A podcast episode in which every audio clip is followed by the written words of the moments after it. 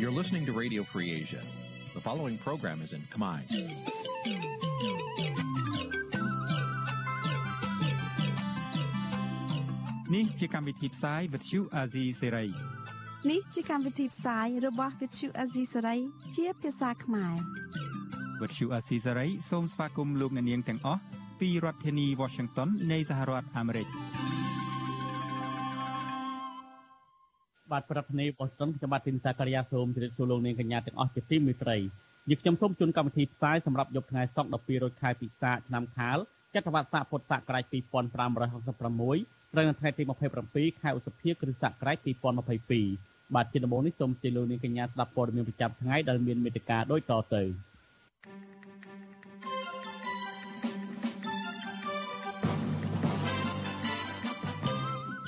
លោកហ៊ុនសែនប្រកាសកាត់ដីតំបន់បឹងទន្លេសាបឲ្យពលរដ្ឋគណៈការបោះឆ្នោតជាតិមកដល់ទោះច្បងណែនាំឲ្យគ្រប់គណៈបកនយោបាយមិនត្រូវទិញទឹកចិត្តម្ចាស់ឆ្នោតបាទគណៈកម្មការជ្រៀបចំការបោះឆ្នោតខេត្តកោះកុងក៏ហៅបេក្ខជនមេឃុំបាក់ភ្លឹងទៀន15នាក់ឲ្យជួបបំភ្លឺ ទីទីវិទ្យាអ្នកស្ដាប់អសិរ័យនៅយប់នេះនឹងជជែកអំពីតើកម្ពុជាគួរស្វែងរកដំណោះស្រាយនយោបាយបែបណាដើម្បីឲ្យមានការផ្សះផ្សាជាតិរួមនឹងព័ត៌មានផ្សេងៗមួយចំនួនទៀត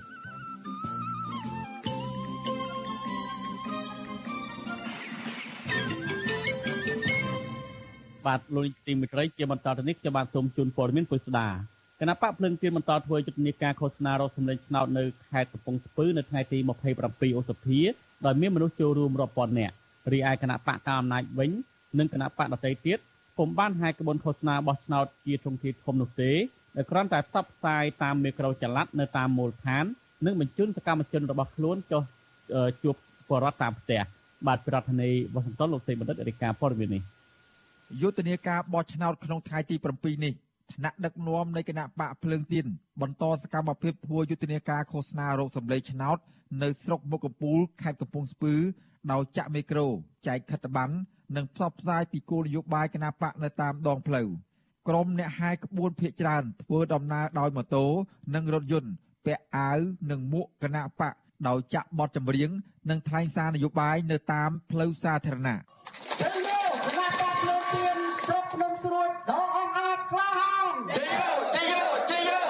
សូមពុកម៉ែបងប្អូនបោះឆ្នោតជូនគណៈបកលើកទៀនជយោជយោជយោ បញ្ហាដីធ្លីជារឿងប្រឈមធ្ងន់ធ្ងរនៅខេត្តកំពង់ស្ពឺ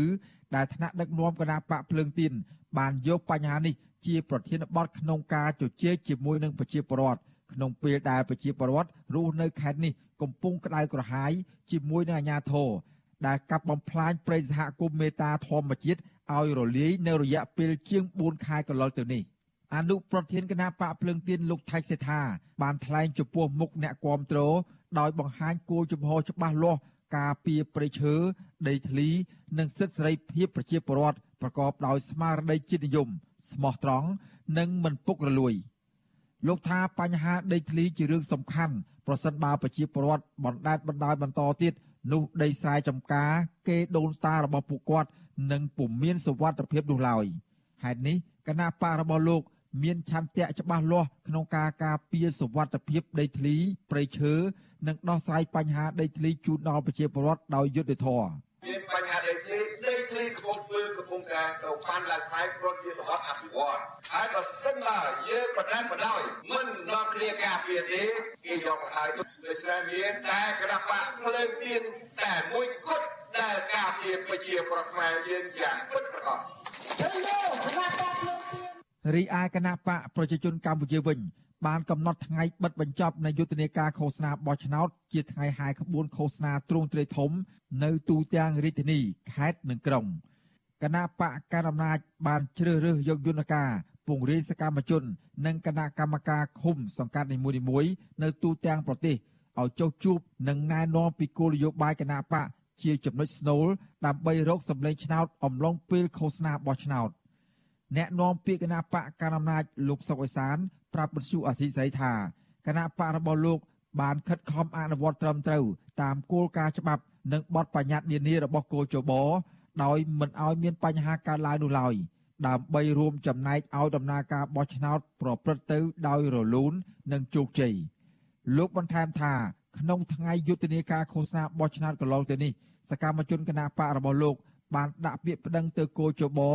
ដើម្បីដោះស្រាយបញ្ហាមួយចំនួនតូចនៅថ្នាក់មូលដ្ឋានប៉ុន្តែពុំមានអំពើហិង្សា និងភាពមិនប្រក្រតីធ្ងន់ធ្ងរនោះទេធម្មតាទេតែគណៈបកណាល្មើសច្បាប់អានឹងភាគីម្ខាងទៀតគេមានសិទ្ធិប្តឹងហើយប្តឹងទៅគោលយោបល់ដើម្បីឲ្យដោះស្រាយនេះទូទាំងប្រទេសគឺគណៈបកប្រជាជនកម្ពុជាខិតខំអនុវត្តឲ្យបានត្រឹមត្រូវតាមគោលការណ៍ច្បាប់និងគោលការណ៍នីតិវិធីក៏ដូចជាបទបញ្ជារបស់គោលយោបល់មិនឲ្យមានបញ្ហាអ្វីកើតឡើង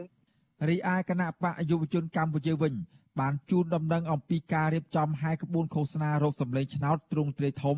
ដោយមានមនុស្សចូលរួម2000នាក់យុទ្ធនាការនោះដឹកនាំដោយប្រធានគណៈបកយុវជនកម្ពុជា គឺលោកពេជ្រស្រស់ដែលនឹងធ្វើឡើងនៅរាជធានីភ្នំពេញនៅថ្ងៃទី29ខែឧសភាខាងមុខនេះប្រធាននាយកដ្ឋានកិច្ចការនយោបាយនៃគណៈបកយុវជនកម្ពុជា លោកអែមសុកសវណ្ណមានប្រសាសន៍ថា ក្នុងពេលឃោសនាបោះឆ្នោតកន្លងទៅ សកម្មជនគណៈបករបស់លោក មានបញ្ហាប្រឈមតិចតួចជាមួយនឹងអាជ្ញាធរមូលដ្ឋាន នៅខេត្តមួយចំនួនប៉ុន្តែបានដោះស្រាយរួចរាល់ហើយដោយពុំមានការប្តឹងផ្តល់ទៅគោចបនោះទេលោកថាសកម្មជនគណៈបកយុវជនកម្ពុជាភៀកច្រើនជាយុវជន90% ក្នុងនោះមាននិស្សិតនិងបញ្ញវន្តពោពេញដោយសមត្ថភាពគ្រប់គ្រាន់ក្នុងការកសាងជាតិនិងអភិវឌ្ឍជាតិរុងរឿងទៅថ្ងៃអនាគតសូមលើកដៃម្រាមដប់គោរពជូនគាត់បោះឆ្នោតជូនគណៈបកយុវជនកម្ពុជាពីព្រោះគណៈបកយុវជនកម្ពុជាដែលបម្រើប្រជាពលរដ្ឋដោយឆន្ទៈនិងមនសិការខ្ពស់និងជាតិនិយមហើយសិតតែជាយុវជន90%ដែលចូលរួមហើយនឹងមានសមត្ថភាពគ្រប់គ្រាន់ក្នុងការកសាងជាតិ ឲ្យអភិវឌ្ឍរុងរឿងតទៅថ្ងៃអនាគតស្នើសុំទៅកោជបទាំងម៉េចឲ្យមានតម្លាភាពអភិជាក្រិតភាពសេរីនិងយុត្តិធម៌ទាំងអស់គ្នារីឯគណៈបកនយោបាយមួយចំនួនទៀតរួមមានគណៈបកឆន្ទៈខ្មែរគណៈបកខ្មែរស្រឡាញ់ជាតិនិងគណៈបកប្រជាធិបតេយ្យមូលដ្ឋានជាដើមមិនទាន់ប្រកាសពីថ្ងៃយុទ្ធនាការទ្រង់ទេធំនៅឡើយទេដោយសកម្មជនគណៈបកនយោបាយទាំងនោះបន្តធ្វើសកម្មភាពឃោសនារោគសម្លេងឆ្នោតទ្រង់ទ្រាយតូចតូចនៅតាមឃុំសង្កាត់នាខេត្តមួយចំនួន។ អ្នកនាំពាក្យគោចបលោកហងពុធាបដិសេធមិនធ្វើអត្ថាធិប្បាយអំពីរឿងនេះទេដោយលោកថាកំពុងជាប់រវល់ជុំវិញរឿងនេះអ្នកសម្របសម្រួលផ្នែកអង្គការនឹងតស៊ូមតិនៃអង្គការ Confrel លោកកនសវាងសង្កេតឃើញថាយុទ្ធនាការឃោសនាបោះឆ្នោតមួយនេះមានភាពមិនប្រក្រតីមួយចំនួនបានកើតឡើងដូចជានៅតាមបណ្ដាខេត្តមួយចំនួនរួមមានខេត្តកំពង់ចាម និងខេត្តកោះកុងជាដើមក្នុងនោះ មានមន្ត្រីគណៈបកកណ្ដាលអំណាចបានប្តឹងពេកភាពឃុំ សង្កាត់របស់គណៈបកភ្លើងទៀននៅតែមិនទាន់ដោះស្រាយបញ្ចប់នៅឡើយទេបញ្ហានេះលោកថាដំណោះស្រាយនៅតែពន្យាពេលដោយសារតែដើមមិនដឹងមិនដកពាក្យមិនដឹង និងមិនសម្របសម្រួល។ គឺមានគណៈបកអំណាចដែលជាអ្នកប្តឹងបាទជាពិសេសឧទាហរណ៍ដោយចាក់តងលើរឿងការចែកអំណោយនៅខាងកំពង់ចាមការប្រើប្រាស់សារណែនៅខាងបៃលិនទៅក៏កតុងបាទមិនដឹងតែទៅនឹងសារអីជាដើមទៅដែលមានបច្ចុប្បន្នមិនដឹងតាមដែលពាក់ព័ន្ធជាមួយនឹងរឿងជាច្រើនគឺការចេញពីគណៈបកកាន់អំណាចទៅលើគណៈបកផ្សេងទៀតណាបាទនេះគឺជាដំណើរការនៃការប្តឹងដែលខ្ញុំមើលឃើញ យុទ្ធនាការរកសម្លេងឆ្នោតរបស់គណៈបកនយោបាយទាំង17ដែលចូលរួមការបោះឆ្នោតថ្នាក់ក្រោមជាតិនៅថ្ងៃទី5ខែមិថុនាខាងមុខមានរយៈពេល14ថ្ងៃគឺចាប់ពីថ្ងៃទី21ខែឧសភាដល់ថ្ងៃទី3ខែមិថុនាខាងមុខច្បាប់បោះឆ្នោតអនុញ្ញាតឲ្យគណៈបកនយោបាយហាយក្បួនទ្រង់ទ្រាយធំនៅតាមមូលដ្ឋានរបស់ខ្លួនត្រឹមតែ2ដងប៉ុណ្ណោះក្នុងអំឡុងពេលឃោសនាបោះឆ្នោតឃុំសង្កាត់នីមួយៗ កាលពីថ្ងៃទី25ខែឧសភាកន្លងទៅគណៈកម្មការជាតិរៀបចំការបោះឆ្នោតហៅកាត់ថាកោជបលោកប្រាច័ន្ទបានចេញសេចក្តីជូនដំណឹងមួយដោយណែនាំឲ្យគ្រប់គណៈបកនយោបាយទាំងអស់មិនត្រូវធ្វើសកម្មភាពទិញទឹកចិត្តម្ចាស់ឆ្នោតដោយធ្វើសកម្មភាពផ្ដាល់ជាមធ្យោបាយថាវិការនិងសម្ភារៈបរិខាផ្សេងៗនោះឡើយលោករំលឹកឲ្យគ្រប់គណៈបកនយោបាយទាំងអស់ ត្រូវគោរពឲ្យបានខ្ជាប់ខ្ជួននៅច្បាប់និងបទបញ្ញត្តិរបស់គោចបក្នុងថ្ងៃធ្វើយុទ្ធនាការបោះឆ្នោតនេះ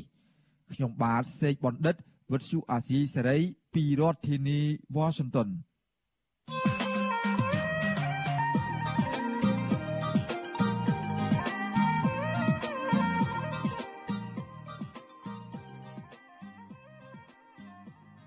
បបានលោកជាទីមេត្រីក្នុងនៃវិភាគមើលឃើញថាទោះជាកម្ពុជាមានគណៈបកជាច្រើនចូលរួមការបោះឆ្នោតឃុំសង្កាត់នៅក្នុងអាណត្តិទី5នេះក្តីក៏នេះមិនបង្ហាញថាកម្ពុជាមានប្រជាធិបតេយ្យពេញលេញនៅឡើយពីព្រោះសកម្មជនគណៈបកប្រឆាំងនៅតែរងការធ្វើទុកបុកម្នេញចំណែកឯគណៈបកប្រជាជាតិក៏មិនអាចចូលរួមប្រកបប្រជែងការបោះឆ្នោតបាននៅឡើយស្ថិតនៅក្នុងបរិបទនយោបាយបែបនេះនេះវិភាគថាកម្ពុជាមិនទាន់មានឯកភាពជាតិដោយសារតែមេដឹកនាំខ្មែរនៅតែមិនទុកចិត្តគ្នាហើយប្រះស្តាមនឹងបែកបាក់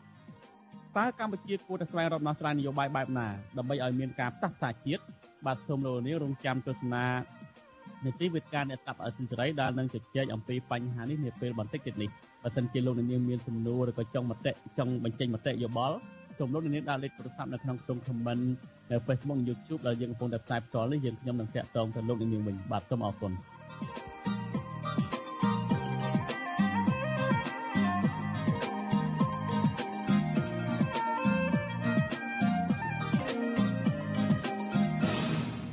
បានលុញទីមេត្រីតកតងនឹងការបោះឆ្នោតឃុំសង្កាត់នេះដែរនៅឯខេត្តកំពង់ចាមឯនោះវិញមេឃុំគណៈបកភ្លើងទៀនចំនួន15នាក់នៅស្រុកកងមាសខេត្តកំពង់ចាមបានចូលផ្សះផ្សានៅគណៈកម្មការរៀបចំការបោះឆ្នោតខេត្តតាមបណ្ដឹងចោទប្រកាន់របស់គណៈបកកណ្ដាលអំណាចពាក់ព័ន្ធនឹងរឿងប្រើប្រាស់ថវិកាចាយដល់ពលរដ្ឋនៅក្នុងពេលឃោសនាបោះឆ្នោតមន្ត្រីសង្គមស៊ីវិលចាត់ទុកបណ្ដឹងនេះថាពុំមានលក្ខណៈគ្រប់គ្រាន់ក្នុងការដាក់បន្ទុកទៅគណៈបកភ្លើងទៀនឡើយ ព្រោះការចែកថវិកាដល់ក្រុមការងារបករបស់ខ្លួនមិនមានច្បាប់ណាចែងថាខុសច្បាប់នោះទេបាទប្រធានាធិបតីវ៉ាស៊ីនតោនវ៉ាស៊ីនតោនលោកគិតចំណានរាយការណ៍ព័ត៌មាននេះដំណើរការផ្សះផ្សាររវាងបេក្ខជនក្រុមប្រឹក្សាគុំសង្កាត់របស់គណៈបកភ្លើងទៀន15នាក់និងមេធាវីរបស់គណៈបកកណ្ដាលអំណាចមិនទាន់បានសម្រេចនៅឡើយទេដោយសារតែតំណាងគណៈបកភ្លើងទៀនលោកគង់រាយាមិនព្រមទទួលយកការសម្របសម្រួលរបស់គណៈកម្មាធិការជាតិរៀបចំការបោះឆ្នោតខេត្តបាន បេក្ខជនគណៈបកភ្លើងទៀនឃុំស្ដៅស្រុកកងមាសខេត្តកំពង់ចាមលោកគង់រាយាដែលចូលទៅបំភ្លឺនៅគណៈកម្មាធិការជាតិរៀបចំការបោះឆ្នោតខេត្តនៅព្រឹកថ្ងៃទី27ខែឧសភាថ្លែងថាលោកបានស្នើសុំពន្យាពេលការផ្សះផ្សាដើម្បីស្វែងរកមេធាវីជួយការពារក្តីដោយភាគីដើមមិននឹងដែរលោកគង់រាយាអះអាងថាលោកមិនបានចែកប្រាក់ដល់ពលរដ្ឋដូចជាការចោទប្រកាន់ពីមន្ត្រីគណៈបកកណ្ដាលអំណាចនោះឡើយលោកបន្តថាលោកបានចែកប្រាក់ទៅតែបេក្ខជន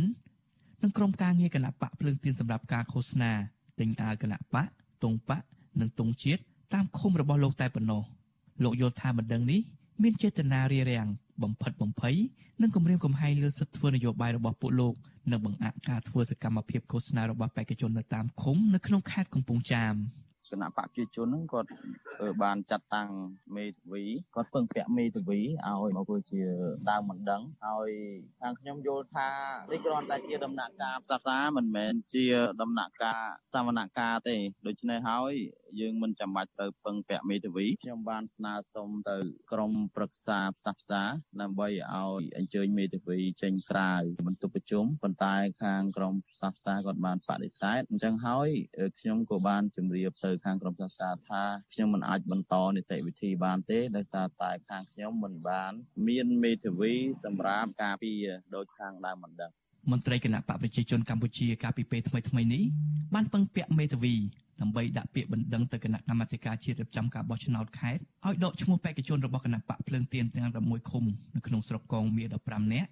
ហើយក្នុងម្នាក់ម្នាក់ត្រូវផាកពិន័យជាប្រាក់20លានរៀល និងប្តឹងឲ្យផាកពិន័យគណៈបកភ្លើងទៀនចំនួន30លានរៀលពាក់ព័ន្ធទៅនឹងការចោទថាបេក្ខជនមេឃុំភ្លើងទៀនទាំងនេះបានចែកប្រាក់ដល់ពលរដ្ឋបន្ទាប់ពីដំណើរគណៈបកភ្លើងទៀនលោកគង់រាយាស្នើសុំពន្យាពេលផ្សះផ្សានោះខាងក្រមប្រឹក្សាផ្សះផ្សាបានផ្ញើលិខិតអញ្ជើញទៅភាគីពាក់ព័ន្ធទាំងអស់ឲ្យចូលរួមសវនាការនៅរសៀលថ្ងៃទី28ខែឧសភានៅទីស្នាក់ការគណៈកម្មាធិការរៀបចំការបោះឆ្នោតខេត្តកំពង់ចាម ប្រធានលេខាធិការដ្ឋានគណៈកម្មាធិការជាតិរៀបចំការបោះឆ្នោតខេត្តកំពង់ចាមលោកឈឹមច័ន្ទធឿនប្រាប់វិទ្យុអសិសរីថាលោកមិនទាន់អាចឆ្លើយបំភ្លឺបាននោះទេព្រោះរឿងនេះកំពុងបន្តនីតិវិធីក្នុងការដោះស្រាយអឺអាហ្នឹងខ្ញុំយកចង់និយាយថាមិនតាន់ដឹងសំណុំរឿងហ្នឹងវាយើងនៅសិក្សាខ្ញុំអត់ហ៊ានស្តន់ឆ្លើយយ៉ាងម៉េចផងបងព្រោះនៅមានគណៈកម្មការសាវនាការរបស់គេត្រូវការដោះស្រាយយ៉ាងម៉េចយ៉ាងម៉េចមានការវិភាគយ៉ាងម៉េចបងប្អូនខ្ញុំអត់ថាយ៉ាងម៉េចបងចាក់ណៃហ្នឹង ជុំវិញរឿងនេះមន្ត្រីសង្គមស៊ីវិលផ្នែកខ្លំមើលការបោះឆ្នោតមើលឃើញថាការប្តឹងផ្តល់របស់គណៈបកកណ្ដាលអំណាចទៅលើសកម្មជនគណៈបកភ្លើងទៀននេះធ្វើឲ្យប៉ះពាល់ដល់បរិយាកាសនយោបាយនៅមុនការបោះឆ្នោតឃុំសង្កាត់អ្នកសម្របសម្រួលផ្នែកអង្គការនឹងតស៊ូមតិនៃអង្គការ Confrel លោកកនសវាងថ្លែងថាការផ្តល់ថវិកាដល់ក្រុមការងារគណៈបកនយោបាយរបស់ខ្លួនតាមឃុំដើម្បីធ្វើសកម្មភាពឃោសនា ពុំមានមេត្រាណាចែងក្នុងការហាមឃាត់នោះឡើយហើយបើយោងតាមច្បាប់ស្តីពីការបោះឆ្នោតក្រុមប្រឹក្សាគុំសង្កាត់មេត្រា71វគ្គខណ្ឌទី5ដែលនិយាយអំពីគោលបំណងទិញទឹកចិត្តអ្នកបោះឆ្នោតនិងមេត្រា171វគ្គខណ្ឌទី11ដែលនិយាយពីការទិញសិលឹកឆ្នោតដោយសម្ភារៈឬដោយប្រកាសលោកយល់ឃើញថាករណីនេះគឺมันមានកំហុសនោះទេ កម្មភាពបែបនេះមានច្រើនណាស់គណៈបកយោបាយណាយើងឃើញមានរូបភាពច្រើននៅក្នុងគណៈបកយោបាយគណៈបកយោបាយមួយចំនួនមានការចែកលុយចែកកាក់អីពេញទឹកពេញដីអញ្ចឹងសម្រាប់ខ្ញុំគឺធ្លាប់ឮសូរមានការបកស្រាយពីគណៈបកយោបាយទាំងអស់នោះថាការចែកឲ្យសកម្មជនឬក៏គណៈបកយោបាយនេះគឺថាវាអត់ខុសទេច្បាប់ស្តីពីការបោះឆ្នោតក្រុមប្រឹក្សាគុំសង្កាត់មេត្រា71ចែងថាគ្រប់គណៈបកនយោបាយបេក្ខជន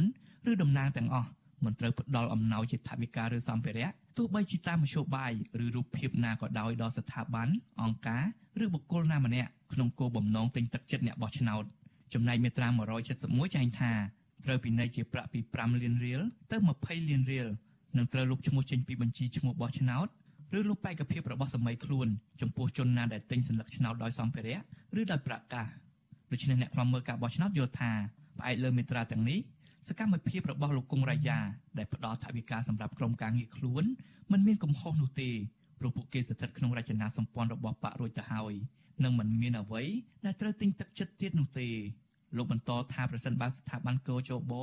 ចាត់វិធានការទៅលើបេក្ខជនគណៈបកភ្លើងទៀនរឿងចែកដោយដល់ក្រុមការងារខ្លួននេះគណៈបកជាច្រើនផ្សេងទៀតរួមទាំងគណៈបកកណ្ដាលអំណាចផងដែលធ្លាប់ចែកអំណោយដល់សកម្មជនឬអ្នកគាំទ្ររបស់ខ្លួនជាសាធារណៈនោះ ក៏ត្រូវតែចាត់វិធានការដូចគ្នាដែរខ្ញុំបាទជាចំណាន Visual Assisray ពីរដ្ឋធានី Washington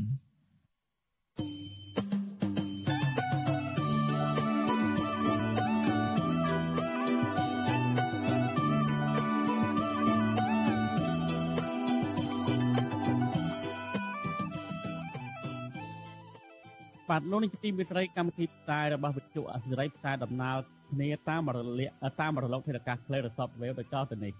ពេលព្រឹកចាប់ពីម៉ោង5កន្លះដល់ម៉ោង6កន្លះតាមរយៈរលកធាតុអាកាសខ្លី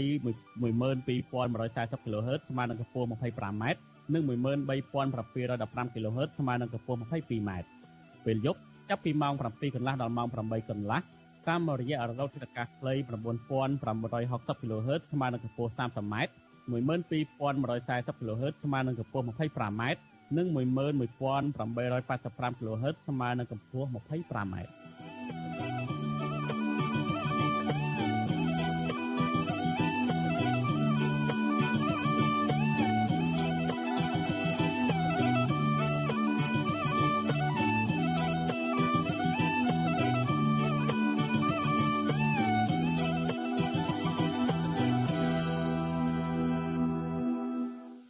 បាទលោកនេះទីមេត្រីតកតងនឹងម្ចាស់ឆ្នោតដែលជាសហគមន៍ដីធ្លីវិញអះអាងថាពួកគេនឹងបោះឆ្នោតជ្រើសរើសក្រុមប្រឹក្សាឃុំសង្កាត់ដែលមានសមត្ថភាពពិតប្រាកដដើម្បីការពារផលប្រយោជន៍និងកម្មសិទ្ធិដីស្រែចម្ការពួកគេ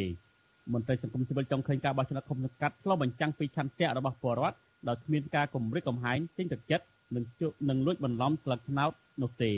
បាទពីរដ្ឋធានីវ៉ាស៊ីនតោនលោកយ៉ងច័ន្ទរារាយការណ៍ព័ត៌មាននេះ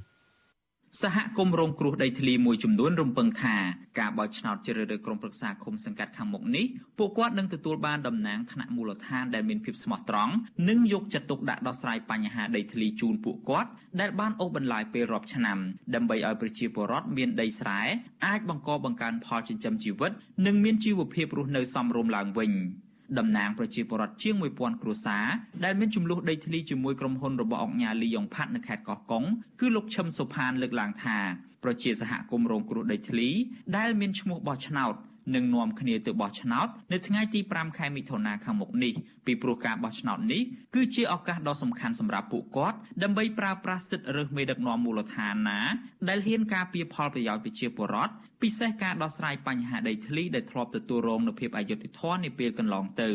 លោកបន្តថាការដែលជ្រើសរើសមេដឹកនាំខុសឬគ្មានឆន្ទៈបម្រើប្រជាពលរដ្ឋពិតប្រាកដបានធ្វើឲ្យពួកគាត់លំបាក5ឆ្នាំ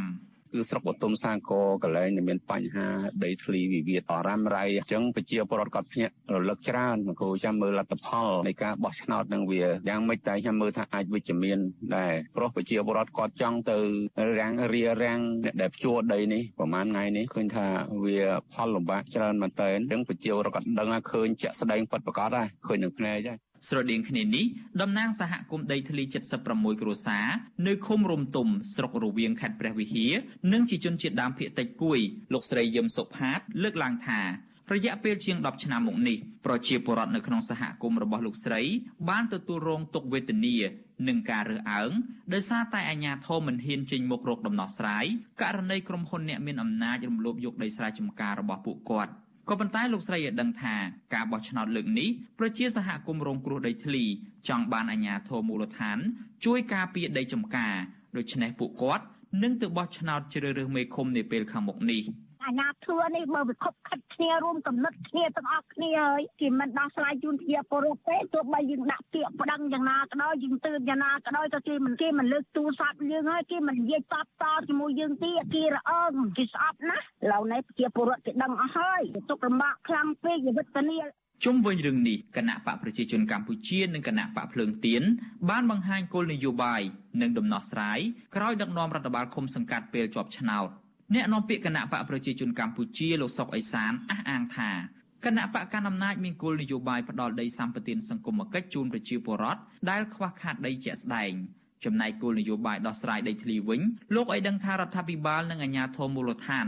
បានខិតខំដោះស្រាយតាមរយៈគណៈកម្មការដោះស្រាយទំនាស់ដីធ្លីក្រៅប្រព័ន្ធតុលាការដោយទទួលបានលទ្ធផលល្អប្រសើរជូនប្រជាពលរដ្ឋ លោកបញ្ជាក់ថាករណីទំនាស់ដែលនៅសេសសល់មួយចំនួនកើតឡើងដោយសារជនខិលខូចពីព្រោះដីឡើងថ្លៃតែប៉ុណ្ណោះក្នុងការតម្លោះនេះក៏ឡងទៅប្រហែលចន្លោះពី10ឆ្នាំ20ឆ្នាំកន្លងទៅនេះគឺវាមានខ្ទង់ប្រហែលជា20000ករណីប៉ុន្តែដោយសារការខិតខំដោះស្រាយរបស់រាជរដ្ឋាភិបាលនិងអាជ្ញាធរគ្រប់ជាន់ថ្នាក់គឺទំនាស់ដីធ្លីនឹងវាអស់ជាមូលដ្ឋានហើយបាទទោះបីជាយ៉ាងណារដ្ឋាភិបាលដឹកនាំដោយលោកហ៊ុនសែនកន្លងមក បានបរាជ័យដោះស្រាយបញ្ហាដីធ្លីពលរដ្ឋនៅទូទាំងប្រទេសពលរដ្ឋភៀសច្រើនបានបាត់បង់ដីធ្លីដោយសារតែការរំលោភបំពានពីសំណាក់អ្នកមានលុយនិងមានអំណាចចំណែកអនុប្រធានគណៈបកភ្លើងទៀនលោកសុនឆៃលោកថ្លែងថាគោលនយោបាយការពារកម្មសិទ្ធិដីធ្លីពលរដ្ឋគឺជាគោលនយោបាយដ៏ធំចម្បងដែលមេឃុំចៅសង្កាត់របស់គណៈបកភ្លើងទៀនត្រូវផ្ដល់ទំនុកចិត្តជូនពលរដ្ឋ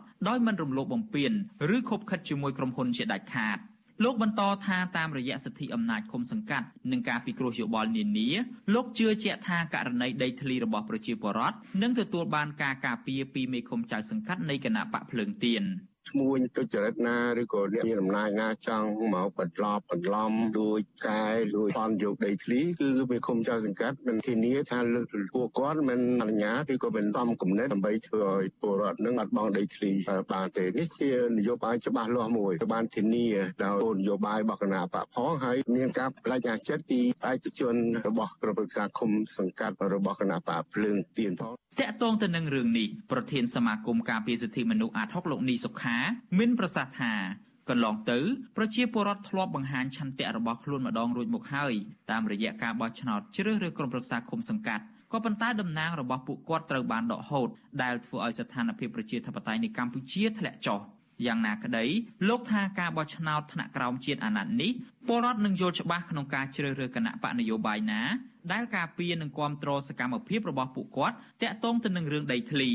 គឺប្រជាពលរដ្ឋគាត់នឹងធ្វើការសម្រេចចិត្តក្នុងការជ្រើសរើសអ្នកបម្រើណាដែលគាត់យល់ថាគាត់អាចពឹងពាក់និងអាចពឹងអាស្រ័យបាន នៅពេលខាងមុខចឹងហើយបានជាការរៀបចំការបោះឆ្នោតនេះយើងអំពាវនាវឲ្យប្រជាពលរដ្ឋមានការចូលរួមក្នុងការសម្ដែងមតិក្នុងការជ្រើសរើសអ្នកតំណាងរបស់ខ្លួននឹងឲ្យទៅតាមឆន្ទៈរបស់ខ្លួនឲ្យទៅតាមការពេញចិត្តរបស់ខ្លួនដោយគ្មានការបង្ខិតបង្ខំដោយគ្មានការទិញដូរស្លឹកឆ្នោតដោយគ្មានការកេងបន្លំស្លឹកឆ្នោត ការបោះឆ្នោតជ្រើសរើសក្រុមប្រឹក្សាឃុំសង្កាត់អាណត្តិទី5នេះនឹងប្រព្រឹត្តទៅនៅថ្ងៃអាទិត្យទី5ខែមិថុនាខាងមុខក្នុងនោះគណៈបកនយោបាយចំនួន17បានចូលរួមប្រកួតប្រជែងដណ្ដើមយកអាសនៈសមាជិកក្រុមប្រឹក្សាឃុំសង្កាត់ដែលមានចំនួនជាង10000អាសនៈហើយប្រជាពលរដ្ឋជាង9លាន2សែននាក់បានចុះឈ្មោះក្នុងបញ្ជីបោះឆ្នោត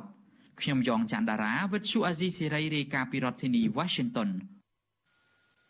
បាទលោកជាទីមេត្រីក្នុងពេលគណៈបកនយោបាយកំពុងតែមមាញឹកឃោសនារោគសម្លេងឆ្នោតនេះលោកកម្មសខាប្រធានគណៈបកសង្គ្រោះជាតិឯនេះវិញតំណាងស្ថានទូតប្រទេសស្វីសដែលមាននិវេសនដ្ឋាននៅទីក្រុងបាងកកប្រទេសថៃបានទៅជួបប្រធានគណៈបកសង្គ្រោះជាតិលោកកម្មសខាដល់គេហដ្ឋានរបស់លោកនៅរាជធានីភ្នំពេញកាលពីថ្ងៃទី26ឧសភាស្របពេលលោកនាយករដ្ឋមន្ត្រីហ៊ុនសែនទៅចូលរួមវេទិកាសេដ្ឋកិច្ចពិភពលោកនៅឯប្រទេសស្វីស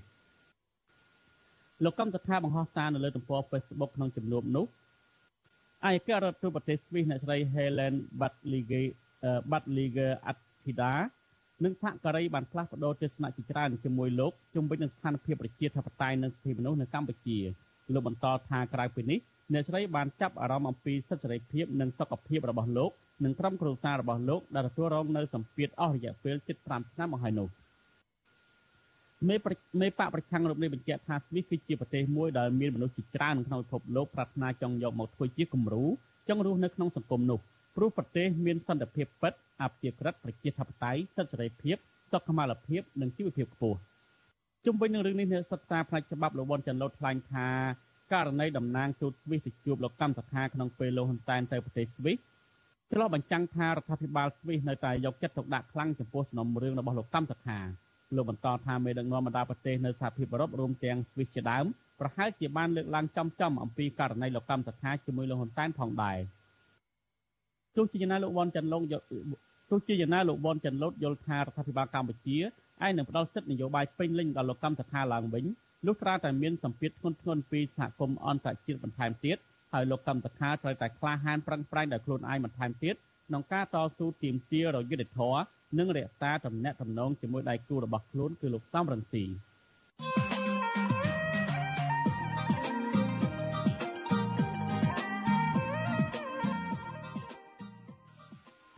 បាទលោកនាយកទីមេត្រីក្រុមនៃវិភាគមើលឃើញថាទោះជាកម្ពុជាមានគណៈបកជាច្រើនចូលរួមបោះឆ្នោតឃុំសង្កាត់នៅក្នុងអាណត្តិទី5នេះក្តីក៏នេះមិនបង្ហាញថាកម្ពុជាមានប្រជាធិបតេយ្យពេញលេញនៅឡើយពីព្រោះសកម្មជនគណៈបកប្រឆាំងនៅតែរងការធ្វើទុកបុកម្នេញ ចំណែកឯគណៈបកសង្គ្រោះជាតិមិនអាចចូលរួមប្រកបប្រជែងការបោះឆ្នោតបាននៅឡើយស្ថិតនៅក្នុងបរិបទនយោបាយបែបនេះនេះវិភាគថាកម្ពុជាមិនទាន់មានឯកភាពជាតិដោយសារតែមេដឹកនាំខ្មែរនៅតែមិនទុកចិត្តគ្នាហើយប្រះច្រាមនឹងបាច់បាក់តើកម្ពុជាគួរតែស្វែងរកដំណោះស្រាយនយោបាយបែបណាដើម្បីឲ្យមានការផ្សះផ្សាជាតិបាទសូមលោកនាងរងចាំទស្សនានីតិវិទ្យាអ្នកស្ដាប់អសិលសេរីដែលនឹងជជែកអំពីបញ្ហានេះនាពេលបន្តិចនេះបើសិនជាលោកនាងមានសំណួរឬក៏មតិយោបល់ចង់សួរមកកាន់វិក្កាមរបស់យើង សូមលោកនាងដាក់លេខទូរស័ព្ទនៅក្នុងខ្ទង់ comment ដែលយើងកំពុងតែផ្សាយផ្ទាល់តាម Facebook YouTube នេះយើងខ្ញុំនឹងតាក់ទងទៅលោកនាងវិញបាទសូមអរគុណ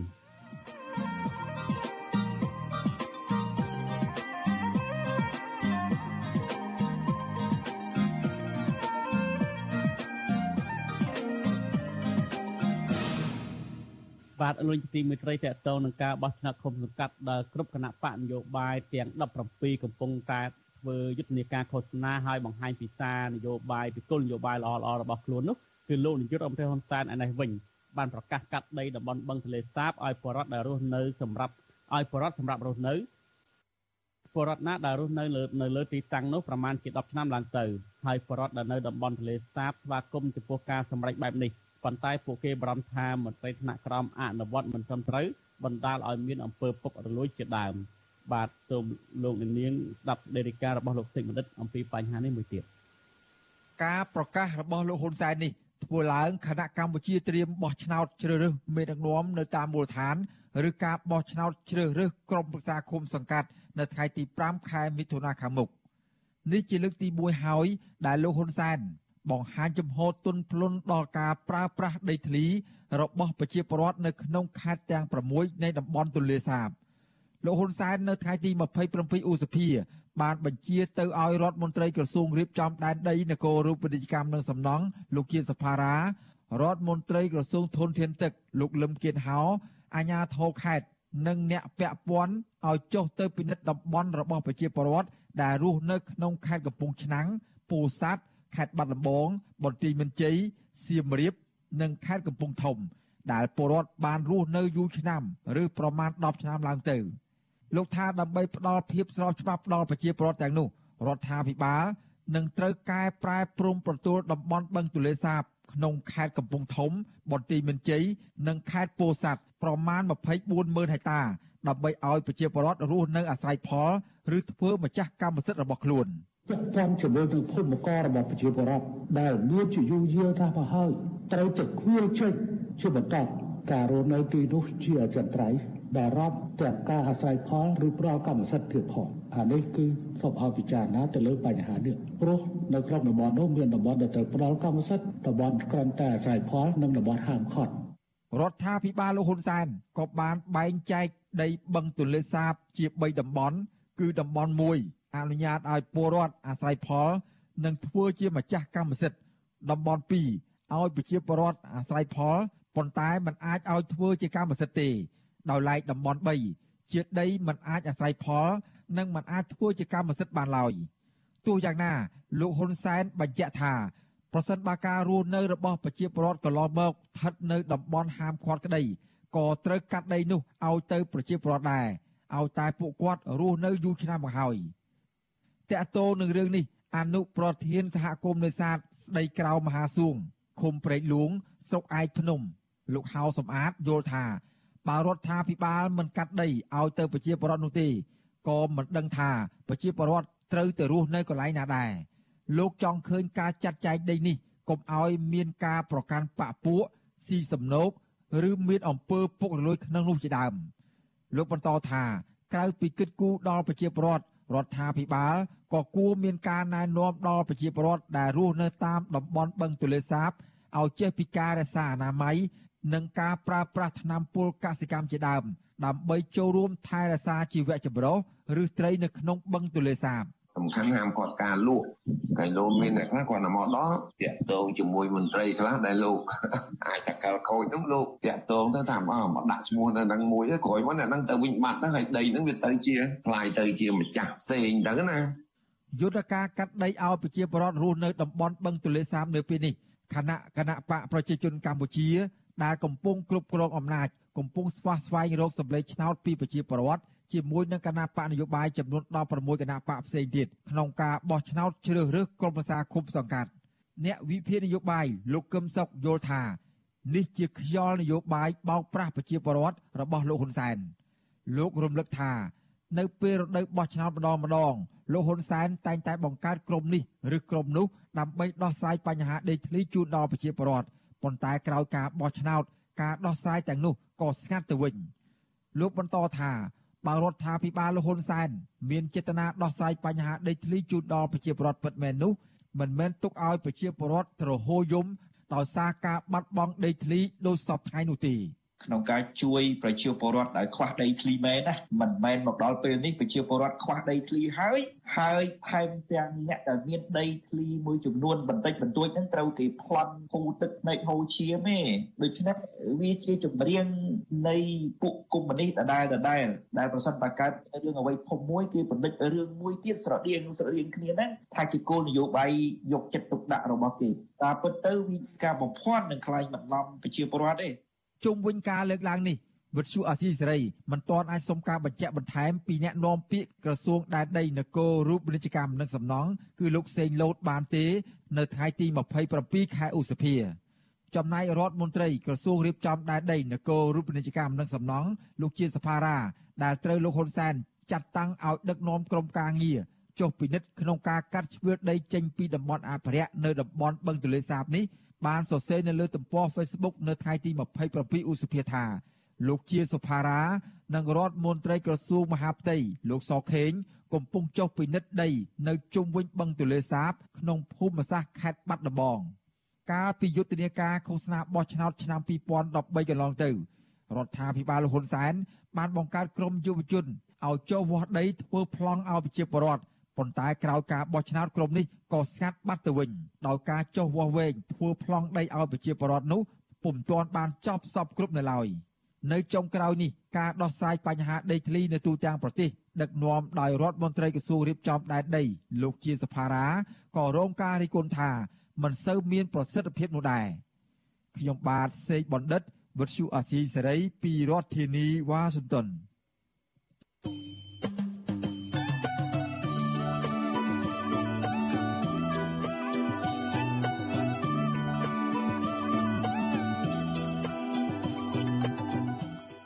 បាទលោកនាយកទីមេត្រីកម្មវិធីផ្សាយរបស់វិទ្យុអសិរ័យអសិរ័យផ្សាយដំណើរគ្នាតាមរលកធាតុអាកាសខ្លីនិងឬ software ដោយតទៅពេលព្រឹកចាប់ពីម៉ោង5កន្លះដល់ម៉ោង6កន្លះតាមរយៈរលកធាតុអាកាសខ្លី12140 kHz ស្មើនឹងកម្ពស់ 25m និង13715 kHz ស្មើនឹងកម្ពស់ 22m ពេលយប់ចាប់ពីម៉ោង7កន្លះដល់ម៉ោង8កន្លះតាមរយៈរលកធាតុអាកាសខ្លី9960 kHz ស្មើនឹងកម្ពស់ 30m 12140 kHz ស្មើនឹងកម្ពស់ 25m និង11885 kHz ស្មើនឹងកម្ពស់ 25m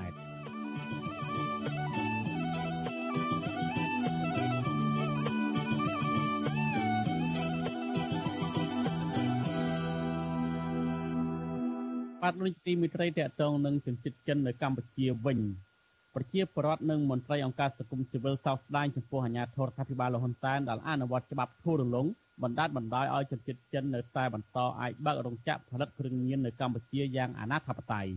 ប្រតិកម្មរបស់ពលរដ្ឋនិងសង្គមស៊ីវិលទាំងនេះធ្វើឡើងបន្ទាប់ពីសមត្ថកិច្ចរឹបអូសបានសារធាតុគីមីផ្សំកែច្នៃទៅជាគ្រឿងញៀនប្រមាណជាង11តោនបន្ថែមទៀត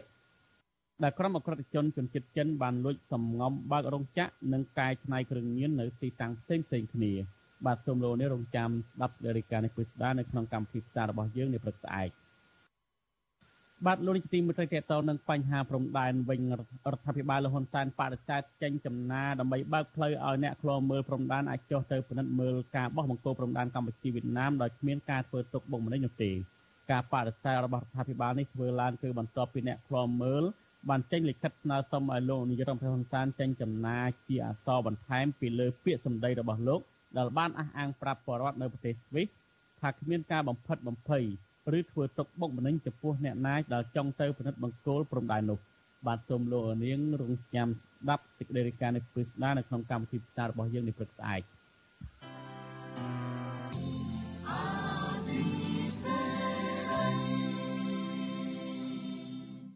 បាទលោកនាយកទីមេត្រីលោកនាងត្រូវបានស្ដាប់ព័ត៌មានប្រចាំថ្ងៃ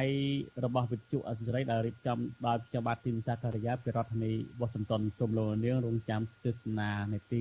វិទ្យានៃស្ដាប់អសិរ័យនៅពេលបន្តិចទៀតនេះ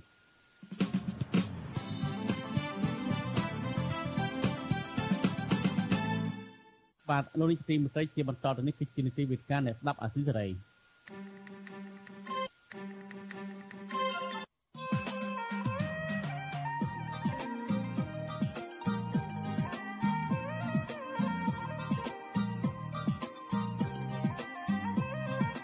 វេទិកាអ្នកស្ដាប់វិទ្យុអាស៊ីសេរី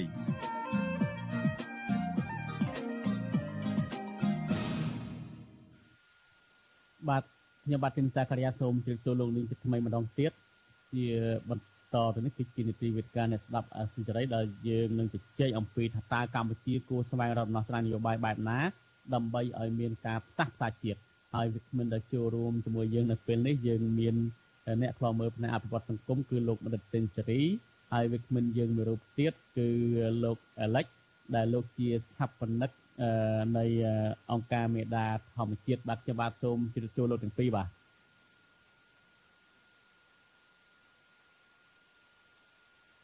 បាទខ្ញុំមិនទាន់ឮសំឡេងលោកទាំងពីរទេសូមបើកម៉ៃផងប្រហែលជាខាងអ្នកបច្ចេកទេសចុចញូទៅអត់ឮបាទ បាទលេចលឺខ្ញុំបាទអឺលឺហើយបាទលោកមិនសេនស៊ូរីបាទបាទជំរាបសួរបាទជំរាបសួរម្ដងទៀត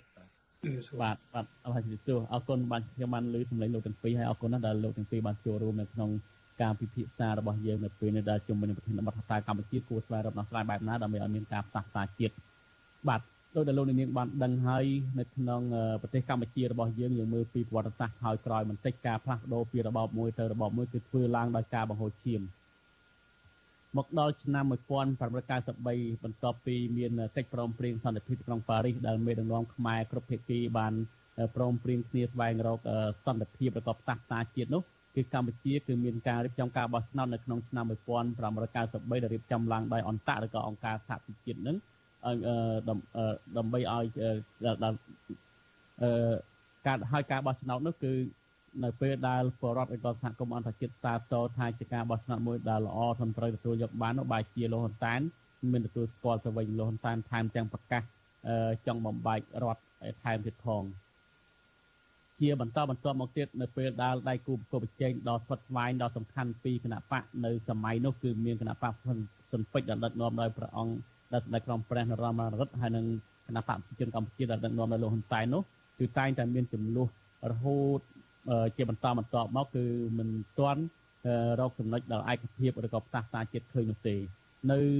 ក្រោយមកទៀតនៅពេលដែលគណៈបកប្រឆាំងគឺលោកដឹកនាំដោយលោកសំរងទីហើយនៅលោកកម្មសខាពិសេសនៅឆ្នាំ2017នោះការបោះឆ្នោតក៏មានភាពចម្រុងចម្រាស់មានការធ្វើបាតកម្មហើយខាងអាជ្ញាធររដ្ឋាភិបាលលហ៊ុនសែននឹងមកក្រាបរហូតដល់បាញ់សម្លាប់មនុស្សនៅកណ្ដាលទីក្រុងភ្នំពេញទៀតផងអ្វីដែលជាកត្តាសំខាន់យើងមើលឃើញថាឆ្នាំ2017 ស្ថិតនៅក្នុងបរិបទមួយដែលបែកបាក់គ្នាកាន់តែខ្លាំងថែមទៀតក្រោយពីរំលាយគណៈបកសង្គ្រោះជាតិហើយមកទល់ពេលនេះមេដឹកនាំខ្មែរឬក៏ឬក៏កម្ពុជានឹងមិនទាន់ស្វែងរកដំណោះស្រាយនយោបាយឃើញនៅឡើយទេបាទជាដំបូងនេះខ្ញុំសូមទាញការចាប់អារម្មណ៍ពីលោកបណ្ឌិតសេនស៊ូរីតើអឺធ្វើមិនទៅដើម្បីឲ្យកម្ពុជាមានការផ្សះផ្សាជាតិបាទសូមសូមជ័យបាទបាទសូមជម្រាបសួរអឺលោកសាកាយាហើយលលិចបាទជាសហវិក្មិនហើយបងប្អូន អ្នកស្ដាប់អាស៊ីសេរីអឺមុននឹងចាប់ផ្ដើមឆ្លើយសំណួររបស់លោកសាការីយ៉ាខ្ញុំផ្ទាល់ខ្លួនបាទសូមចូលរួមអបអរសាទរទៅលើគណៈបកនយោបាយទាំងអស់ដែលបានចូលរួមការបោះឆ្នោតគុំសង្កាត់ឆ្នាំ2022នេះអឺហេតុអីបានខ្ញុំត្រូវអបអរសាទរចំពោះគណៈបកទាំងអស់ដែលចូលរួមការបោះឆ្នោតឆ្នាំ2022មូលហេតុដែលចម្បងមួយគត់គឺ មានន័យថាគណៈបកទាំងនោះបានជ្រើសរើសផ្លូវមួយដែលត្រឹមត្រូវនៅក្នុងការប្រកួតប្រជែងនយោបាយហើយអ្វីដែលសំខាន់នឹងខ្ញុំជារៀងបន្តបន្ទាប់មករហូតមកហ្នឹងគឺខ្ញុំតែងតែគ្រប់គ្រងការចូលរួមប្រកួតប្រជែងនយោបាយតាមរយៈការបោះឆ្នោតហើយវាជាជំរើសមួយនៅក្នុងចំណោមជំរើសផ្សេងទៀតដែលល្អបំផុតបើយើងក៏លេខមើលប្រវត្តិសាស្ត្រ របស់ប្រទេសកម្ពុជាបន្តិចយើងរាប់ត្រឹមតែពីសម័យសង្គមរាស្ត្រនិយមយើងឃើញថាឲ្យតែមានការផ្លាស់ប្ដូររបបនយោបាយម្ដងម្ដងកម្ពុជាតែងតែជាពិសេសពលរដ្ឋហ្នឹងតែងតែបាត់បង់ជីវិតហើយយើងឃើញថាសម័យលន់នល់ហ្នឹងគឺផ្លាស់ប្ដូរពីសង្គមរាស្ត្រនិយមមកសម័យលន់នល់ដែលដឹកនាំដោយលោកលន់នល់គឺសម័យសាធារណរដ្ឋខ្មែរហ្នឹងពលរដ្ឋខ្មែរប្រហែលជា30ម៉ឺននាក់ ត្រូវបានបាត់បង់ជីវិតហើយมันបានប្រមាណឆ្នាំផងប្រមាណជា5ឆ្នាំរបបរំណុលបានផ្លាស់ប្ដូរមករបបខ្មែរក្រហមហ្នឹងគឺជាពេលវេលាមួយដែលខ្មែរហ្នឹងគឺរាប់ថាជាឆ្នាំ0ហើយពលរដ្ឋប្រមាណជា73លាននាក់ត្រូវបានសម្លាប់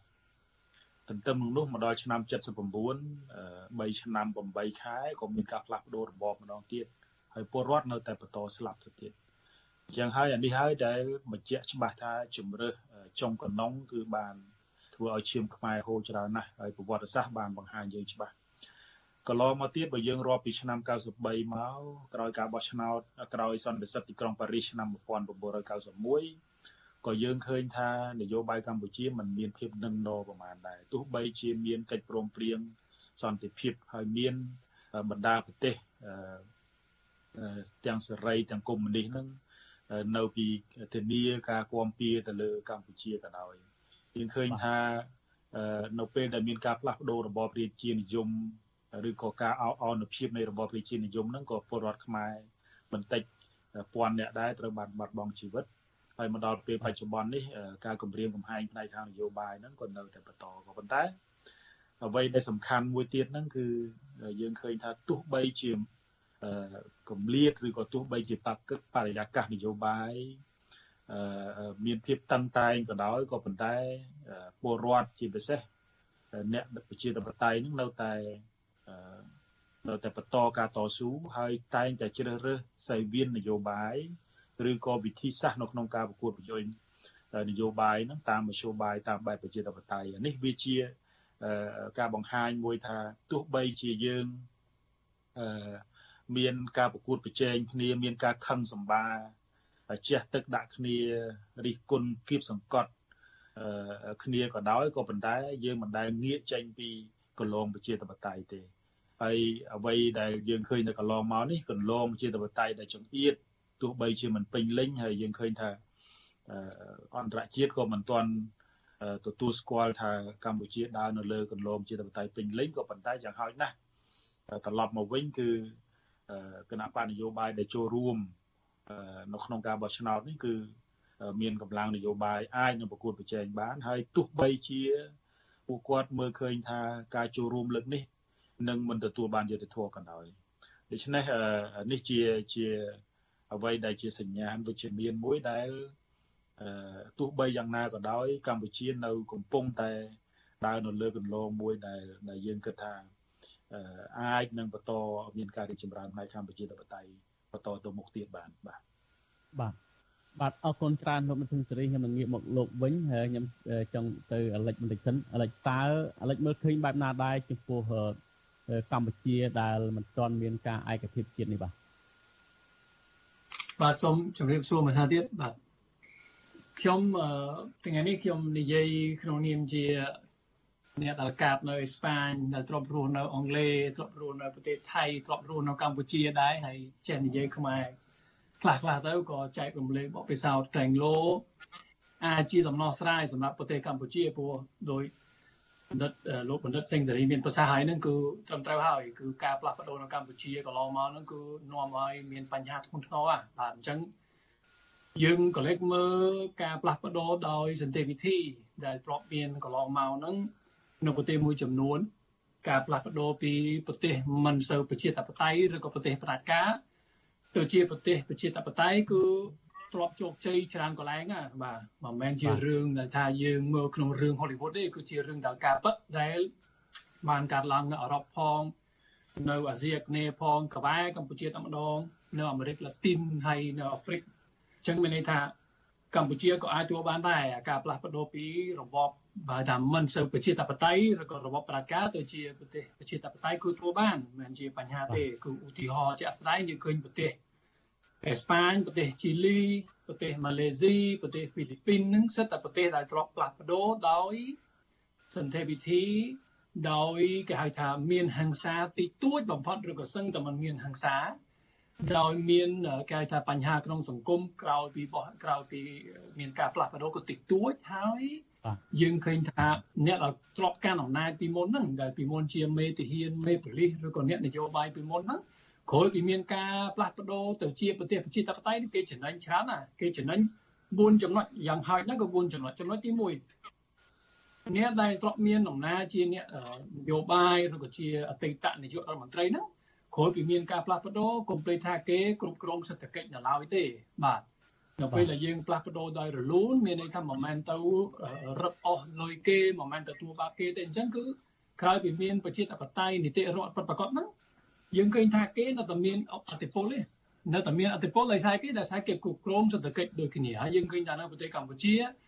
អ្នកណាដែលមានលុយច្រើនជាងគេយើងដឹងណាបាទតកុល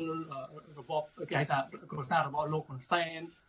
គ្រួសាររបស់អ្នកនយោបាយរងថ្ងៃនេះគឺមានអតិពលសេដ្ឋកិច្ចបាទអញ្ចឹងគឺបើសិនជាមានការផ្លាស់ប្ដូរដោយរលូនដោយគេហៅថាយោគយល់គ្នារវាងខ្មែរនិងខ្មែរគឺតកូលហ៊ុនហ្នឹងมันមានអីដែលគួរឲ្យខ្លាចទេអារឿងសេដ្ឋកិច្ចទេអាហ្នឹងផលចំណេញទី1ទី2គេហៅថាអឺពីសងលេគេហៅថា peace of mind ហ្នឹងគេហៅថាសន្តិភាពផ្លូវចិត្តឬក៏យើងអាចប្រើពាក្យថាភាពគេហៅថាស្ងប់សុខនៅក្នុងចិត្តហ្នឹងក្រោយពីមានការផ្លាស់ប្ដូរយើងឃើញថា ពីមុនគេទ្របទួលបាបទៅលើគេពីមុនទ្របប្រព្រឹត្តឧក្រិដ្ឋកម្មមួយចំនួនមែនប៉ុន្តែអ្នកនយោបាយថ្មីថ្មីនេះគេអាចយកយល់គ្នាជាមួយគេគេអាចនឹងផ្លិចផ្លៀងរឿងមួយចំនួនឬក៏អាចនឹងចែកនៅគេហៅថាមិនរោរឿងជាមួយគេតាមប្រព័ន្ធតុលាការអញ្ចឹងមានន័យថាផ្លូវចិត្តរបស់គេរបស់អ្នកកាន់អំណាចដែលដែលរត់ដែលខ្លាចថា បើសិនជាមានការផ្លាស់ប្ដូរគូគេទួបាបទៅលើខ្ញុំនោះគឺអត់ទេគេអាចមានអ្វីដែលគេថាសន្តិភាពផ្លូវចិត្តដើម្បីគេថាយ៉ាក្រោយពីមានការផ្លាស់ប្ដូរហើយចំណុចទី3យើងឃើញប្រទេសច្រើនណាស់ក្រោយពីមានការផ្លាស់ប្ដូរទៅជាប្រទេសប្រជាធិបតេយ្យគឺភាគច្រើនសេដ្ឋកិច្ចឡើងអត់មានសេដ្ឋកិច្ចចុះទេឧទាហរណ៍ GDP នៅអេស្ប៉ាញហ្នឹងនៅពេលដែលមានរបបយោធាកាន់អំណាចនៅឆ្នាំ70ជាងអីហ្នឹងបាទប្រៀបសេដ្ឋកិច្ច សម័យ70ជាមួយបច្ចុប្បន្នហ្នឹងគឺសេដ្ឋកិច្ចអេស្ប៉ាញឥឡូវហ្នឹងគឺឡើងគុណនឹង3ដងហ្នឹងចឹងមានន័យថាបើសិនជាថ្ងៃណាមួយប្រទេសកម្ពុជាមានការផ្លាស់ប្ដូរទំហំនៃសេដ្ឋកិច្ចនៅប្រទេសកម្ពុជាក៏ឡើងដែរហើយដូចយើងនិយាយខាងដូចខ្ញុំនិយាយខាងដើមទេអ្នកមានអតិពលអ្នកមានអ្នកគ្រប់គ្រងសេដ្ឋកិច្ចហ្នឹងមានអតិពលអញ្ចឹងដល់ពេលដែលសេដ្ឋកិច្ចឡើង គឺអ្នកដែលពីមុនធ្លាប់មានអធិពលឬក៏ធ្លាប់មានគេថាអំណាចហ្នឹងក៏គេអាចចំណេញដែរបើថាគេមានលុយច្រើនគេអាចមានឱកាសដើម្បីរកស៊ីកាន់តែកាន់តែច្រើនហើយចំណុចទី4ដូចយើងឃើញនៅប្រទេសហ្វីលីពីនបង្កើតឡើងមួយអាទិត្យឬក៏ពីអាទិត្យមុនហ្នឹងគឺកូនរបស់អតីតអ្នកដឹកនាំហ្នឹងគឺកូនម៉ាកុសក៏បង្កើតគណៈបកនយោបាយមួយចូលរួមដោយស្មារតីជាមួយនឹងគណៈបកផ្សេងហើយឈ្នះឆ្នោតអញ្ចឹងមានន័យថា បើសិនជាមានការផ្លាស់ប្ដូរដោយរលូនដោយការយោគយល់គ្នាដោយមិនយកខ្មែរណាជាសត្រូវហើយយើងយកគំរូប្រទេសមួយចំនួនដែលទ្រព្យធ្វើយើងឃើញថាអាចនឹងអនាគតនឹងមានកូនចៅរបស់លោកហ៊ុនសែនឬក៏កូនចៅរបស់សៅខេងអីហ្នឹងគឺបង្កើតគណៈបកនយោបាយមួយឬក៏ថែរក្សាគណៈបកប្រជាជនហើយអនាគតនឹងអាចនឹងក្លាយទៅជាគណៈបកកណ្ដាលអំណាចឡើងវិញឬក៏អាចនឹងក្លាយទៅជាគណៈបកដែលមានអាសនៈក្នុងសភាហើយខ្ញុំដាក់ឧទាហរណ៍ជាក់ស្ដែង នៅប្រទេសអេស្ប៉ាញគណៈបកប្រឆាំងបច្ចុប្បន្ននឹងសិតតែជាអតីតគណៈបកដែលទ្របការអំណាចសម័យប្រតិការអញ្ចឹងមានន័យថានៅពេលដែលអ្នកនយោបាយមួយចំនួនថាការផ្លាស់ប្ដូរនាំឲ្យមានសង្គ្រាមឬក៏ត្រូវតែមានចលាចលអីហ្នឹងខ្ញុំថាអត់ត្រឹមត្រូវទេបាទហ្នឹងគឺអត់ប៉ះទេព្រោះយើងឃើញប្រទេសច្រើនដែលបានប្រល់គំរូជាវិជ្ជមានដល់ប្រទេសកម្ពុជាហើយក៏ខ្ញុំហ៊ាននិយាយថាបើសិនជាមានការផ្លាស់ប្ដូរដោយរលូនដោយគេហៅថាសន្តិវិធីហ្នឹងគឺ ខ្មែរចំណេញមានន័យថាគណៈបកប្រឆាំងក៏ចំណេញគណៈបកប្រជាជនក៏ចំណេញគឺយើងចំណេញទាំងអស់គ្នាបាទអរគុណបាទអរគុណច្រើនអាលិចអាលិចបានរៀបរាប់យ៉ាងលម្អិតអំពីថាការផ្លាស់ប្ដូរនេះបានចំណេញ3 4ចំណុចដែលអាលិចបានរៀបរាប់នេះប៉ុន្តែអាលិចក៏បានលើកបន្តិចដែរមិញថាលោកតែនតែងតែលើកឡើងថា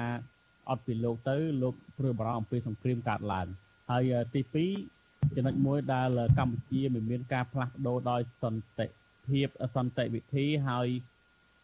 ឲ្យមានការបោះឆ្នោតដោយមានប្រជាធិបតេយ្យពេញលេញដែលមិនទាន់រកឃើញនេះតើអ្វីជាកលឹះសំខាន់ដែលអាចអាចធ្វើឲ្យលោកហ៊ុនសែននឹងនៅតែលើកឡើងថាអត់ពីលោកនឹងមានសង្គ្រាមអីចឹងជាដើមនោះបាទអ្វីជាកលឹះនោះបាទខ្ញុំគិតថាគាត់អាចមើលពីប្រវត្តិរបស់ ខ្មែរកន្លងមករាប់រយឆ្នាំកន្លងមកយើងឃើញថាប្រទេសកម្ពុជាគឺមិនទាន់មានការផ្លាស់ប្ដូរណាមួយដោយរលូនដោយសន្តិវិធីទេណាអាហ្នឹងគាត់អាចយល់ច្រឡំទី1ទី2គាត់និយាយអញ្ចឹង25 30ឆ្នាំកន្លងមកវាទៅជាទម្លាប់គាត់ណាជាយុទ្ធសាស្ត្ររបស់គាត់ដើម្បីបន្លាចបាទសម្លុតគេគម្រាមគេនឹងដែលថាជាយុទ្ធសាស្ត្ររបស់គាត់ប៉ុន្តែខ្ញុំសូមរំលឹកថាគណៈបព្វជិជនមិនមែនមានតែលោកហ៊ុនសែនទេគឺមានមនុស្សច្រើនណាស់ដែលពាក់ព័ន្ធហើយ យើងឃើញថាហ៊ុនម៉ាណែតជាមួយនឹងប្រមាណអ្នកហ្នឹងដែលជាយុវជនរបស់គណៈបព្វជិជនអាយុត្រឹម40 45ហ្នឹងក៏មិនយូរទេគឺនឹងមានអំណាចទេអញ្ចឹងយើងឃើញថាលោកហ៊ុនសែនគាត់ប្របាក់នឹងផ្លាស់ប្ដូរផ្នត់កំណត់មួយចំនួនមែនប៉ុន្តែអ្នកអ្នករ៉ូស៊ីឬក៏គេថាអ្នកដែលចិត្តស្នាក់ជាមួយគាត់ឬក៏សាច់ញាតិរបស់គាត់ខ្ញុំថាមិនសូវផ្លាស់មិនសូវប្របាក់អីប្រហែលនេះជាពិសេសដោយសារគេធ្លាប់រៀននៅអូស្ត្រាលីនៅសិង្ហបុរីនៅអង់គ្លេសផងអានឹងចំណុចទី1ចំណុចទី2 មូលហេតុអីដែលយើងជជែកថ្ងៃនេះថ្ងៃនេះគឺជាសន្ទនាសំខាន់ណាជាសន្ទនាដែលថាយើងនិយាយដើម្បីឲ្យយើងទាំងអស់គ្នាយល់ថាខ្មែរអាចទួបានមិនមែនសង្គ្រាមបលាយពូជសាសឬក៏ពុកកលួយឬក៏បំផ្លាញទន្ទានធម្មជាតិទេយើងនិយាយថ្ងៃនេះប្រធានបទវិជ្ជមានវិជ្ជមាននិងយុត្តិធម៌និយមដែលថាខ្មែរអាចផ្លាស់ប្ដូរដោយសន្តិវិធីបានដើម្បីចំណេញទាំងអស់គ្នាអញ្ចឹងយើង យើងថាជជែកបញ្ចេញយោបល់គ្នាទៅវិញទៅមកហើយសង្ឃឹមថាថ្ងៃណាមួយអាចមានតំណាងគណៈបកប្រជាជនឬក៏លោកហ៊ុនសែនតែម្ដងមកចូលរួមជាមួយយើងដើម្បីផ្លាស់ប្ដូរកំណត់ទៅវិញទៅមកដើម្បីឲ្យគាត់យល់ថាធ្វើធ្វើបានមិនជាបញ្ហាទេព្រោះយើងឃើញតែប្រទេសជិតខាងទទួលបានអឺរ៉ុបក៏ទទួលបានអាមេរិកឡាទីនក៏ទទួលបានអាហ្វ្រិកក៏ទទួលបានរឿងអីដែលខ្មែរទទួលមិនបានបាទអរគុណបាទអរគុណច្រើនលេចបានលើកឡើងថាថ្ងៃនៅមុនក្នុងលោកអ៊ុនសាននឹងចូលរួមបាទអឺខ្ញុំក៏សង្ឃឹមចឹងដែរហើយជាយាមតាក់តង គ្រប់មធ្យោបាយដើម្បីបានលោកមកកន្លងមកប៉ុន្តែយើងលំបាកមែនទែនអឺអាលិចមុននឹងលោកលោកសិនសេរីសំទោសសំចាំបន្តិចទៀតចុះបាទលោកនាងធីមព្រៃនៅពេលបន្តិចទៀតនេះបើសិនជាលោកអ្នកនាងលោកអ្នកនាងកំពុងតាមដានស្ដាប់វិទ្យុតាមរយៈរលកធាតុអាកាសខ្លីនឹងនឹងមិនលឺការផ្សាយរបស់យើងទៀតទេប៉ុន្តែសម្រាប់លោកនាងដែលកំពុងតែទស្សនាតាម Facebook YouTube នេះសូមលោកនាងបន្តទស្សនារបស់យើងបន្តទៀតដែលយើងនឹងជជែករហូតដល់ម៉ោង9យប់នេះ បាទខ្ញុំចង់បន្តអាលិចបន្តិចអាលិចបានលើកឡើងថាកម្ពុជាអាចធ្វើបានដោយយោងលើបបិសោតប្រទេសមួយចំនួនហើយយើងឃើញថាប្រទេសដែលមេដឹកនាំផ្ដាច់ការខ្លាំងជាងគេហើយដែលមានអំណាចខ្លាំងដែរនោះនៅនៅអាស៊ាននៅជាប់កម្ពុជាក្បែរកម្ពុជាគឺមានឥណ្ឌូនេស៊ីហើយនិងហ្វីលីពីនអីចឹងជាដើមឥណ្ឌូនេស៊ីដឹកនាំដោយលោកសូអាតូហ្វីលីពីនដោយដោយលោកម៉ាកុសអីចឹងជាដើមឥឡូវកូនរបស់លោកបាន មកដឹកនាំជាគណៈបព្វជិះឲ្យឆ្នេះឆ្នោតអីចឹងជាដើមប៉ុន្តែអាឡិចបានមានប្រសាសន៍អំបញ្ញមិញថាកម្ពុជាអាចធ្វើបានតើបទពិសោធន៍ទៅលើប្រទេសទាំងអស់នេះចំណុចណាខ្លះដែលអាឡិចបានលើកឡើងថាកម្ពុជាអាចធ្វើបាននោះបាទដែលអាចផ្សះផ្សាគ្នាបាននោះបាទខ្ញុំថាការផ្លាស់ប្ដូរដោយរលូនមានន័យថាมันយកខ្មែរណាជាជាសត្រូវมันមានសង្គ្រាមมันបំផ្លាញសេដ្ឋកិច្ចมันចាប់គេដាក់ពន្ធនាគារយើងអាចយកគំរូរបស់ប្រទេសច្រើនណាស់ ដោយឧទាហរណ៍ថាប្រទេសអាហ្វ្រិកតាំងដំបូងគេមិនចាប់ណាម្នាក់ពន្ធដាក់ពន្ធនាគារទេទោះបីជាប្រព្រឹត្តបទល្មើសធ្ងន់ប៉ុណ្ណាក៏ដោយក៏ប៉ុន្តែបានបើគេហៅថាតឡាការបែបមិនមែនចាប់គេដាក់ពន្ធនាគារទេគ្រាន់តែតម្រូវឲ្យគេសារភាពពីអ្វីដែលគេបានធ្វើឬក៏យើងយើងអាចយកប្រទេសអេស្ប៉ាញជាគំរូគឺអេស្ប៉ាញបានផ្លាស់ប្ដូរដោយចែងនៅក្នុងរដ្ឋធម្មនុញ្ញថារាល់បទល្មើសដែលមានចរិតនយោបាយ នៅពេលដែលរបបយោធាកាន់អំណាចហ្នឹងគឺมันអាចបដិទាទោសតាមពន្ធនាគារតាមប្រព័ន្ធតុលាការបានទេហ្នឹងគឺជាគំរូដែលខ្ញុំថាខ្មែរក៏អាចធ្វើបានដូចគ្នាព្រោះយើងឃើញថាខ្មែរមានទំនាក់ទំនងល្អជាមួយនឹងអង្គការសហប្រជាជាតិផងជាមួយនឹងអង្គការអន្តរជាតិច្រើនណាស់ខ្មែរមិនមែនជាកូរ៉េខាងជើងមិនមែនជាប្រទេសដែលគេហៅថាมันមានទំនាក់ទំនងជាមួយណាម្នាក់ទេខ្មែរមានជាដៃគូជាមួយនឹងអង្គការអន្តរជាតិច្រើនជាមួយអ្នកជំនាញចឹងខ្ញុំខ្ញុំថាខ្មែរអាចធ្វើបានអានឹងចំណុចទី1ចំណុចទី2 ខ្ញុំថាឧទាហរណ៍យើងមានការផ្លាស់ប្ដូរឆ្នាំក្រោយតាមរយៈការបោះឆ្នោតមានគណៈបកណាមួយឈ្នះឆ្នោតមិនមែនគណៈបកប្រជាជនហើយមួយអាណត្តិឬក៏ពីរអាណត្តិទៀតគឺលោកហ៊ុនម៉ាណែតជាប្រធានគណៈបកប្រជាជនចូលជាបេក្ខជនរបស់គណៈបកប្រជាជនហើយឈ្នះឆ្នោតមានការផ្លាស់ប្ដូរមួយសារទៀតចាំបានថ្ងៃនេះខ្ញុំពាក់អាវរបស់លោកកែមលីដែលថាលោកកែមលីនៅពេលដែលមានជីវិតក៏គាត់និយាយដែរគាត់ថា យើងផ្លាស់ប្ដូរមានន័យថាណានាការដំណើរអត់សំខាន់ទេសំខាន់គឺខ្មែរទាំងអស់គ្នាយើងកើតពីប្រយោជន៍រួមទៅប្រទេសរីកចម្រើនទេយើងគេថាសម័យយកខ្មែរគ្នាឯងជាសត្រូវដាក់ពន្ធនាគារឬក៏ធ្វើបាបគេគេគាត់តែបញ្ចេញមតិខុសពីយើងគឺហួសសម័យហើយអាហ្នឹងបើថា40ឆ្នាំមុន50ឆ្នាំមុនអាហ្នឹងខ្ញុំអត់ដឹងទេព្រោះហ្នឹងគឺប្រពន្ធលោកវាពោពេញទៅដោយហិង្សាពោពេញទៅដោយអាវុធពោពេញទៅដោយយុទ្ធគេទៅសង្គ្រាមប៉ុន្តែសម័យនេះគឺហួសសម័យហើយ យើងគួរតែមើលអ្វីដែលពិភពលោកទាំងមូលកំពុងតែធ្វើហើយក៏យើងយកហ្នឹងទៅជាគំរូទេបាទសូមអរគុណបាទបាទអរគុណច្រើនដោយសារតែអាលិចបានលើកឈ្មោះលោកដិតកែមលីលោកកែមលីបានធ្លាប់បានលើកឡើងដែរកាលលោកនៅមានជីវិតហ្នឹងលើកលើកឡើងថា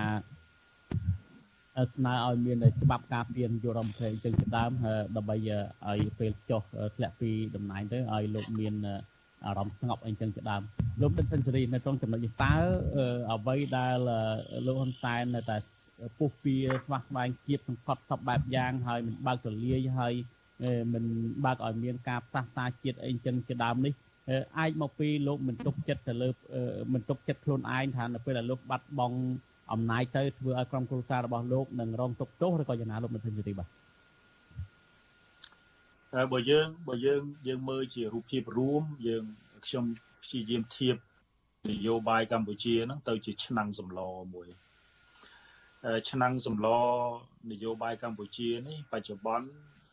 ទាំងគណៈបកកណ្ដាលអំណាចទាំងអ្នកនយោបាយដែលកំពុងកាន់អំណាចទាំងអ្នកនយោបាយប្រឆាំងឬក៏អ្នកនយោបាយដែលមាននិន្នាការប្រកួតប្រជែងអំណាចជាមួយនឹងជាមួយនឹងគណៈបកកណ្ដាលអំណាចហ្នឹងមិនសូវបានជាចាក់បញ្ចូលឬក៏ ដាក់នយោបាយឬក៏សារនយោបាយដែលមានដែលមានគេហៅថាតែងតែដាក់សារដាក់គ្រឿងផ្សំដែលក្តៅដែលហិលដែលល្វីងចឹងហើយធ្វើឲ្យនយោបាយកម្ពុជាហ្នឹងវាមានរសជាតិមិនសូវផ្អែមហើយអ្វីដែលខ្ញុំអ្វីដែលខ្ញុំសង្កេតហ្នឹងគឺយើងឃើញថាយើងត្រូវការយើងត្រូវការសារនយោបាយយើងត្រូវការ គំនិតនយោបាយយើងត្រូវការយន្តការនយោបាយមួយចំនួនដែលមានចរិតជាយន្តការឬក៏ជាសារនយោបាយដែលអាចផ្សះផ្សាបាន ដែលអាចនាំឲ្យមានការឯកភាពជាតិបានកន្លងមកយើងឃើញហើយថាអឺបបធរទឹកឡើងត្រីស៊ីសម្ោចទឹកហើយសម្ោចស៊ីត្រីនេះនៅតែនៅក្នុងដកនៅក្នុងផ្នត់កំណត់ របស់អ្នកទាំងអ្នកនយោបាយទាំងប្រជាពលរដ្ឋដូច្នេះនៅពេលដែលផ្នត់គំនិតមួយនេះឬក៏ក៏ការគិតមួយនេះបានដកចូលនៅក្នុងនៅក្នុងផ្នត់គំនិតអ្នកនយោបាយអ្នកនយោបាយតែងតែប្រើមធ្យោបាយដើម្បីការពារធ្វើម៉េចកុំឲ្យសម្ោចវាមកស៊ីវិញឬក៏ដើម្បីកុំឲ្យត្រីស៊ីសម្ោចហ្នឹងអញ្ចឹងហើយយើងឃើញថាមធ្យោបាយខ្លះហ្នឹងវាដើរលើស ពីអ្វីដែលអ្នកប្រជាធិបតេយ្យឬក៏សង្គមប្រជាធិបតេយ្យបានបានធ្វើបាទខ្ញុំអ្វីដែលខ្ញុំបានស្ដាប់អាឡិចលើកឡើង ពីបទពិសោធន៍នៅបណ្ដាប្រទេសផ្សេងផ្សេងរួមទាំងអឺលោកបណ្ឌិតកែមលីបានលើកឡើងហ្នឹងគឺវាជាផ្នែកមួយនៃធៀបចូលដែលយើងអាចយកមកពិចារណាដើម្បីអឺធ្វើម៉េចធានាឲ្យមានការផ្លាស់ប្ដូរដោយសន្តិវិធីដែលមានការផ្លាស់ប្ដូរដោយមិនឲ្យខ្មែរមានការ